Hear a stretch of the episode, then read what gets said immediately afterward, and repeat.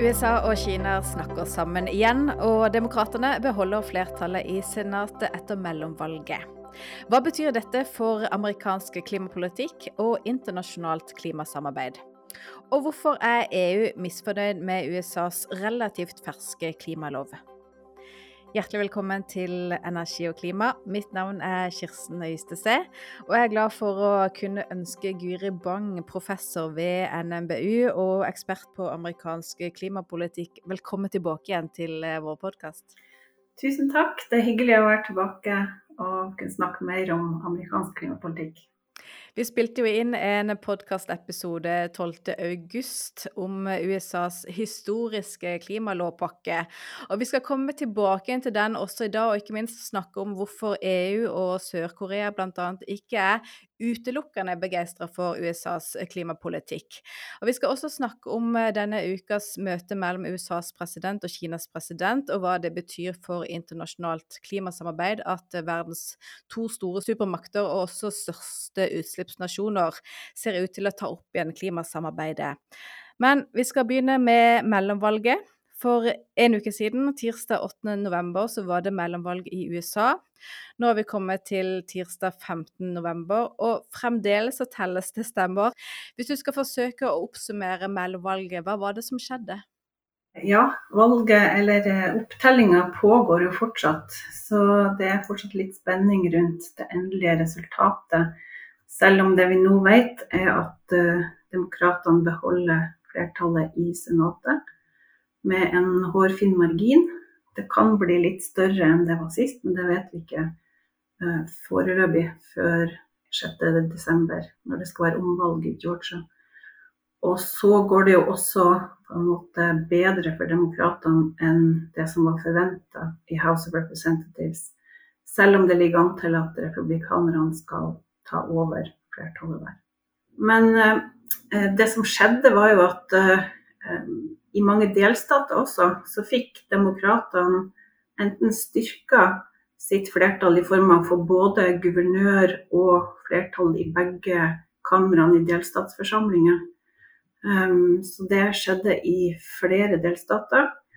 Og um, i tillegg så var det også sånn at man da ikke At demokratene ikke mista så mange av de her viktige delstatsposisjonene som, som frykta på forhånd. Og alt dette er viktig for um, ikke minst iverksettelsen av um, Inflation Reduction Act, den loven som ble vedtatt tidligere i høst.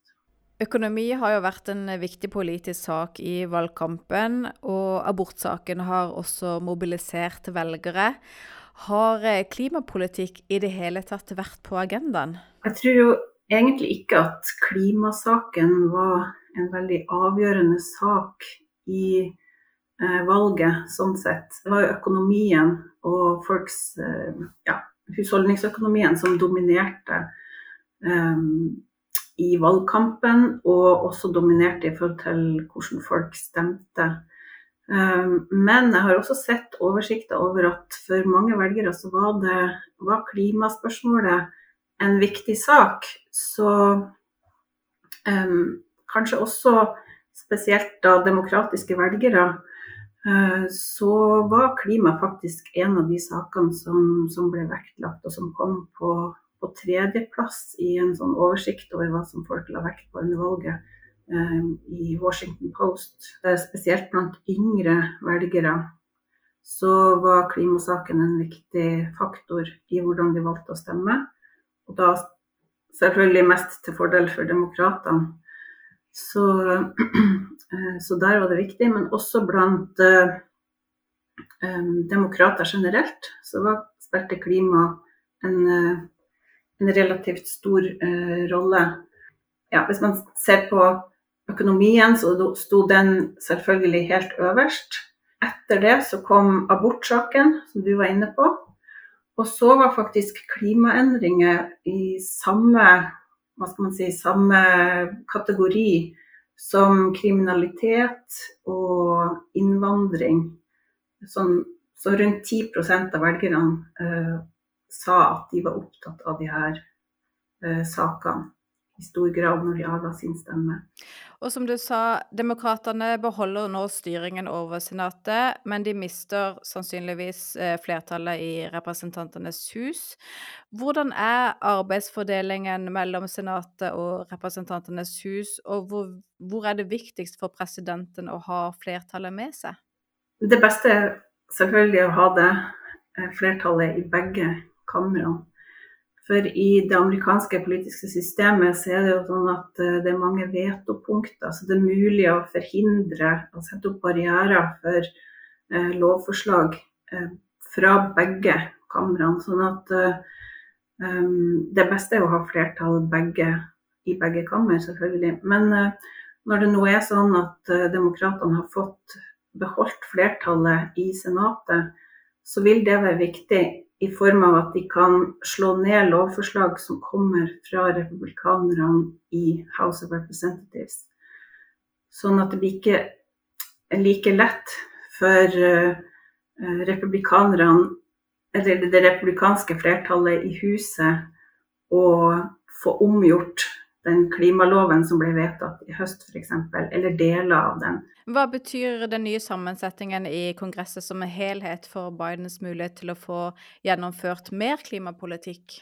Jeg tror det viktigste for Biden-administrasjonen nå, når de har fått gjennom Inflation Reduction Act, er ikke å få gjennom mer klimapolitikk i lovs form, for det vil bli veldig vanskelig når de ikke har flertallet i eh, House of Representatives. Det vil heller være veldig viktig for Biden-administrasjonen å legge vekt på at eh, IRA blir iverksatt på delstatsnivå. Så det å drive uh, opplysning gjennom forvaltninga, gjennom EPA, um, Department of Energy, altså at Biden-administrasjonen og delstatsadministrasjonene rundt omkring kan uh, opplyse om de insentivene og skattefordelene som ligger i den klimaloven som ble vedtatt, sånn at den blir iverksatt, og at eh, de skattefordelene blir brukt og blir satt i verk. Det vil være det aller viktigste for Biden-administrasjonen de, de neste to årene.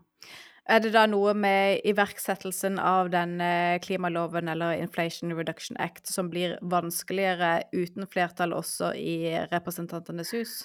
Det vil egentlig være en fordel for demokratene nå eller det viktigste fordelen for dem er at de har fått flertall i flere sånne del, delstatsforsamlinger, pluss uh, demokratisk guvernør. Noe som blir kalt for trifecta, at de har flertall i alle de tre viktige um, maktposisjonene på delstatsnivå. Og det vil være viktig for demokratene i de her delstatene, både for å få iverksatt IRA, men også for at de kan uh, vedta um, lovgivning på delstatsnivå som kan forsterke IRA, eller man kan f.eks. få til en såkalt clean electricity standard. Um, og i noen av de her delstatene der det nå ble eh, demokratisk flertall i alle tre maktposisjoner, så, så, ligger det an til at man skal få til sånn eh, delstatsklimalovgivning for første gang. F.eks. i Minnesota og i Michigan og i Maryland som, som har fått til nå um, ja, demokratisk flertall, og dermed kan gå i gang og både iverksette IRA med mye større kraft, og også få til tilleggslovgivning på delstatsnivå. Mm. Og, og, grunnen til dette, altså det var jo eh, Når det er mellomvalg, så var det jo denne gangen både valg til alle de 435 eh, setene i Representantenes hus. Det var også 35 av 100 seter i Senatet som var på valg. Og så var det guvernørvalg i 36 av 50 stater. Hvilke stater er det mest interessante å følge med på nå etter valget, der, du ser at det kan bli en kraftigere klimapolitikk som følge av de valgene som ble tatt? Ja, det er jo de statene som jeg nevnte allerede, som nå har fått et demokratisk flertall. Eh, Michigan og Minnesota og Maryland, eh, Massachusetts. Så alle de delstatene der kan man forvente en kraftigere iverksetting av klimapolitikk og vedtak av ny klimapolitikk. Men også i noen andre delstater, f.eks. så ble det jo klart i dag at valget til guvernør i Arizona eh, gikk i demokratene sin favør. Så istedenfor en eh, Trump-kandidat som Carrie Lake, så fikk man heller Cathy Hobbs, som har vært ganske tydelig på at hun ønsker en sterkere klimapolitikk i Arizona for å møte måte, økt tørke og de problemene som de har eh, i vestlige delstater i USA. Så det kan utgjøre en stor uh, forskjell, faktisk, også de valgene der på guvernør og ikke minst delstatsforsamlinger. Så hvis vi skal prøve på en liten oppsummering av eh, mellomvalget, hva betyr det for uh, amerikansk klimapolitikk de neste to årene? Det betyr at vi ikke kan forvente at det kommer noe mer og sterkere klimalovgivning gjennom Kongressen på føderalt nivå. Der må eh, Biden-administrasjonen heller legge vekt på å bruke presidentordrer. bruke administrasjons- og forvaltningsapparatet til å få iverksatt sånne presidentordre. Um, så kan vi også forvente oss at uh, det kommer til å bli mer aktivitet på delstatsnivå, og det er veldig viktig for å få iverksatt IRA Eh, i så stor grad som mulig. For at det skal Det som ofte skjer i USA, det er at hvis det blir en suksess med iverksetting av en ny lov som kan føre til f.eks. økonomisk vekst, nye grønne jobber, investering i eh, grønn, altså, grønn omstilling som viser seg å ha en suksess, da, som fører til eh, konkrete resultater, så vil kanskje andre delstater kopiere det. Sånn at vi kan da se en slags eh, diffusjonseffekt av uh, suksessfylt uh, iverksetting av IRA. Så det vil være en kjempeviktig jobb for både delstatspolitikere og Biden-administrasjonen de neste to årene. La oss bare snakke litt om eh, klimaloven, eller The Inflation Reduction Act. Eh, og da særlig se på hva som har skjedd siden Joe Biden la frem og fikk eh, gjennom denne historiske klimaloven. Det er jo første gang at USA har vedtatt politikk i lovs form som skal kutte utslipp og skape ny grønn vekst. Og Hvis du bare kort repeterer innholdet i denne klimaloven? De viktigste elementene er jo at uh, det blir satt av 370 milliarder dollar til uh, investeringer i det grønne skiftet i USA. Så dette er et uh, veldig konkret forsøk fra Biden-administrasjonens side til å få til en grønn omstilling og um, grønn industripolitikk som skal skape arbeidsplasser, og som skal føre til iverk, eller bruk av fornybar teknologi på delstatsnivå. Og um, at det her skal ha skattefordeler både for folk flest og for industrien. Så det man har sett allerede nå, det er at uh, det, det, er tegn til at dette skal bli iverksatt gjennom uh, nye initiativer, f.eks. til elbilfabrikker som er planlagt i USA, og batterifabrikker som er planlagt. og um, og så vil det fra årsskiftet nå være mulig for folk flest i husholdningene å søke om eh, støtte for å få gjort tiltak på hjemmebane, f.eks. å kjøpe varmepumpe, eller å få eh, støtte til å kjøpe elbil og andre typer tiltak. Så det gjenstår å se hvor, eh, hvor mye folk vet om de her tingene. Det er jo en, en veldig viktig ting. Det må bli lagt vekt på at um, folk må bli opplyst om de fordelene og insentivene som er tilgjengelige, og som, som på en måte må brukes da, i, den, i, de neste årene for å vise at det her faktisk kan iverksettes og kan bli en suksess, og som kan føre til nye arbeidsplasser. Og det er særlig det at det gis skattelette til amerikansk teknologi, og kanskje særlig amerikanske elbiler og batterier som er produsert i USA, som har fått EU og også Sør-Korea til å murre litt. Hva er det dette handler om? Det her handler om at eh, Biden-administrasjonen er, er nødt til å vise at de satser på amerikansk økonomi, skaper skape arbeidsplasser som er godt betalt, og som kan erstatte arbeidsplasser i eh, fossile energinæringer, f.eks.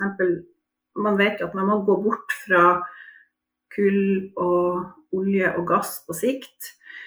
Um, I den overgangen så er det viktig å skape troverdige alternativer, sånn at det finnes grønne arbeidsplasser, arbeidsplasser i andre typer industrier som kan ta over, rett og slett. Så det her er kjempeviktig for Biden-administrasjonen, at de klarer å vise at det går an å få til en omstilling uten at det fører til um, økonomisk negative effekter for folk flest i USA. Biden har jo også lovt at en del av hans klimapolitikk er at det skal være rettferdig omstilling, sånn at lavinntektshusholdninger og fattige områder i storbyer f.eks. får spesiell oppmerksomhet når det gjelder tiltak og insentivordninger.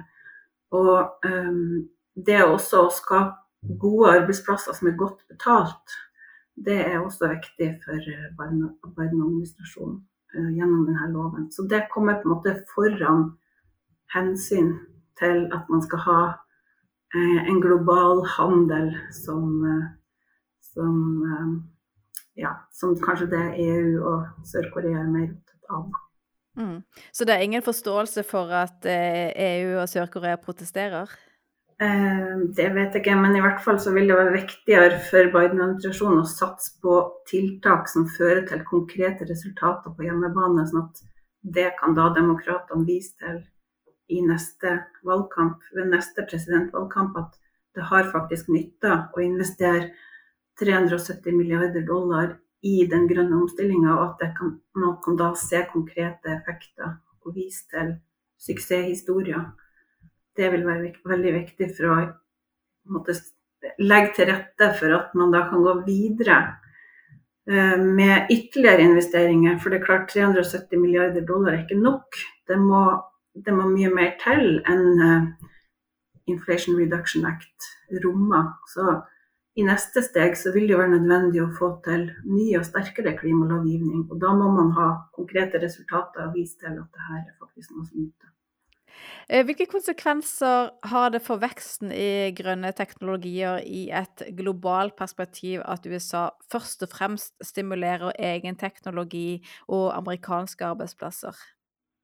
det er et globalt kappløp også når det gjelder grønn teknologi. Så det her er en konkurranse der USA egentlig ligger litt bakpå for at man ikke har investert nok i det tidligere. Og Biden sin eh, lovgivning både på klimainvesteringer, men også på microchips og, og, og infrastruktur, eh, vil jo føre til mer satsing på at amerikansk teknologi skal utvikles og hevde seg i det globale kappløpet.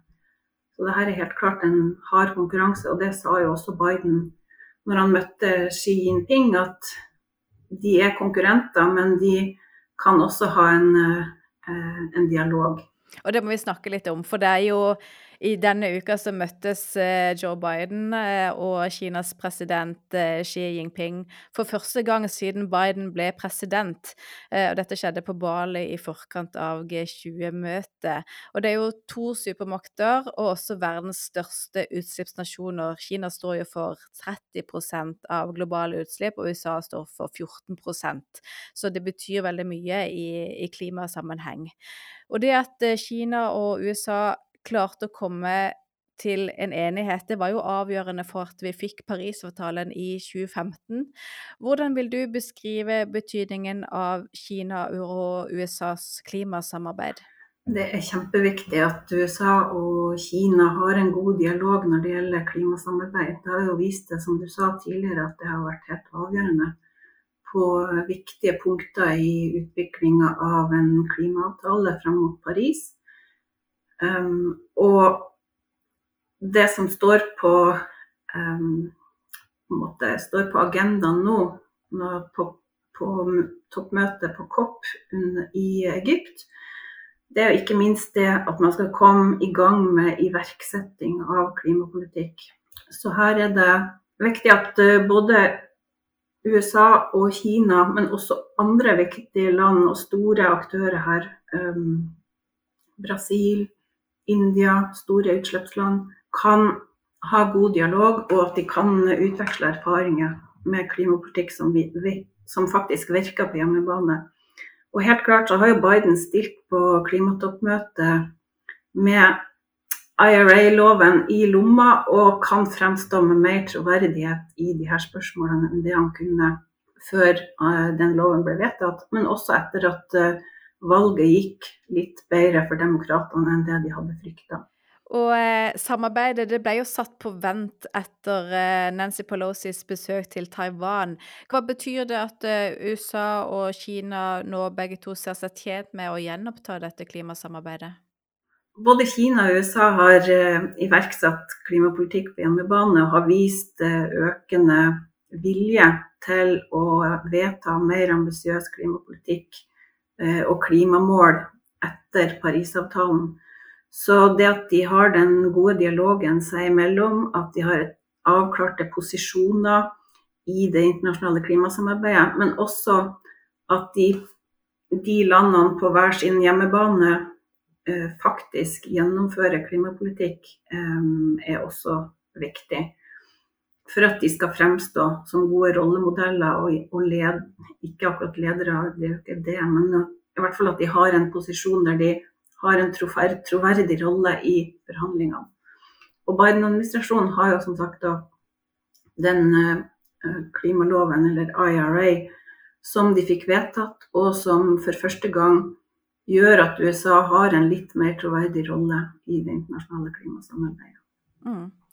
Hvor stor forskjell kan et USA- og Kina-samarbeid gjøre i det store internasjonale klimasamarbeidet, sånn som på klimatoppmøtet som pågår nå, og, og, den type møter? Det gjør noe med å skape en mye bedre forhandlingsdynamikk når de to største aktørene er, eller har en god dialog, og at de snakker med hverandre. At de har posisjoner som er kjent for hverandre at de ikke stikker kjepper i hjulene for forhandlingene, men at de er innstilt på å bidra på en positiv måte inn i forhandlingene. Den neste store milepælen i USA det er jo valget i 2024. Hvor bekymra er du for at det, kan, det som har vært av eh, positiv utvikling av amerikansk klimapolitikk, kan snus helt på hodet da? Det er vanskelig å si. Det er jo et, eh, en, eh, helt klart en fare for at det skal kunne skje. Det har jo vist seg tidligere at det har skjedd ved andre valg. F.eks. når Donald Trump ble valgt, så skjedde det jo en uh, total omkalfatring av klimapolitikken. Og det samme kan jo skje igjen. Trump har jo sagt at han skal annonsere sitt kandidatur, eller han har ikke sagt det rett ut, men det er noe som de fleste forventer skal skje i dag. Så vi forventer å se hva som skjer fra den kanten.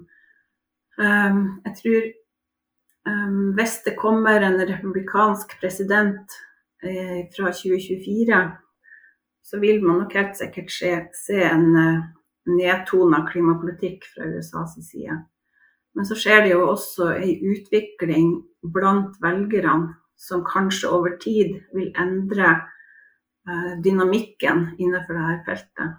Jeg tror at Jeg håper i hvert fall at hvis noen av de um, ordningene og insentivene som finnes i Inflation Reduction Act blir iverksatt på delstatsnivå, så vil det være vanskeligere å fjerne de. Og da kan man kanskje få til um, noen eksempler på klimapolitikk som fungerer, og som kan måtte ta brodden av den skremselspropagandaen som har vært rundt at klimapolitikk ødelegger økonomien. Så det er ekstremt viktig at uh, de delstatene som nå har muligheten til å innføre eh, tiltak eh, der det finnes demokratisk kontroll, at de fortsetter å er, eh, vise initiativ og iverksette politikken, sånn at det, det, kan få en effekt i løpet av de neste årene fram mot neste presidentvalg. Du, da sier tusen takk for praten, Guri Bang. Tusen takk. Det var veldig hyggelig å være med. Takk også til eh, du som lytter på. Abonner gjerne på Energi og klima i din foretrukne podkastapplikasjon. Takk for i dag.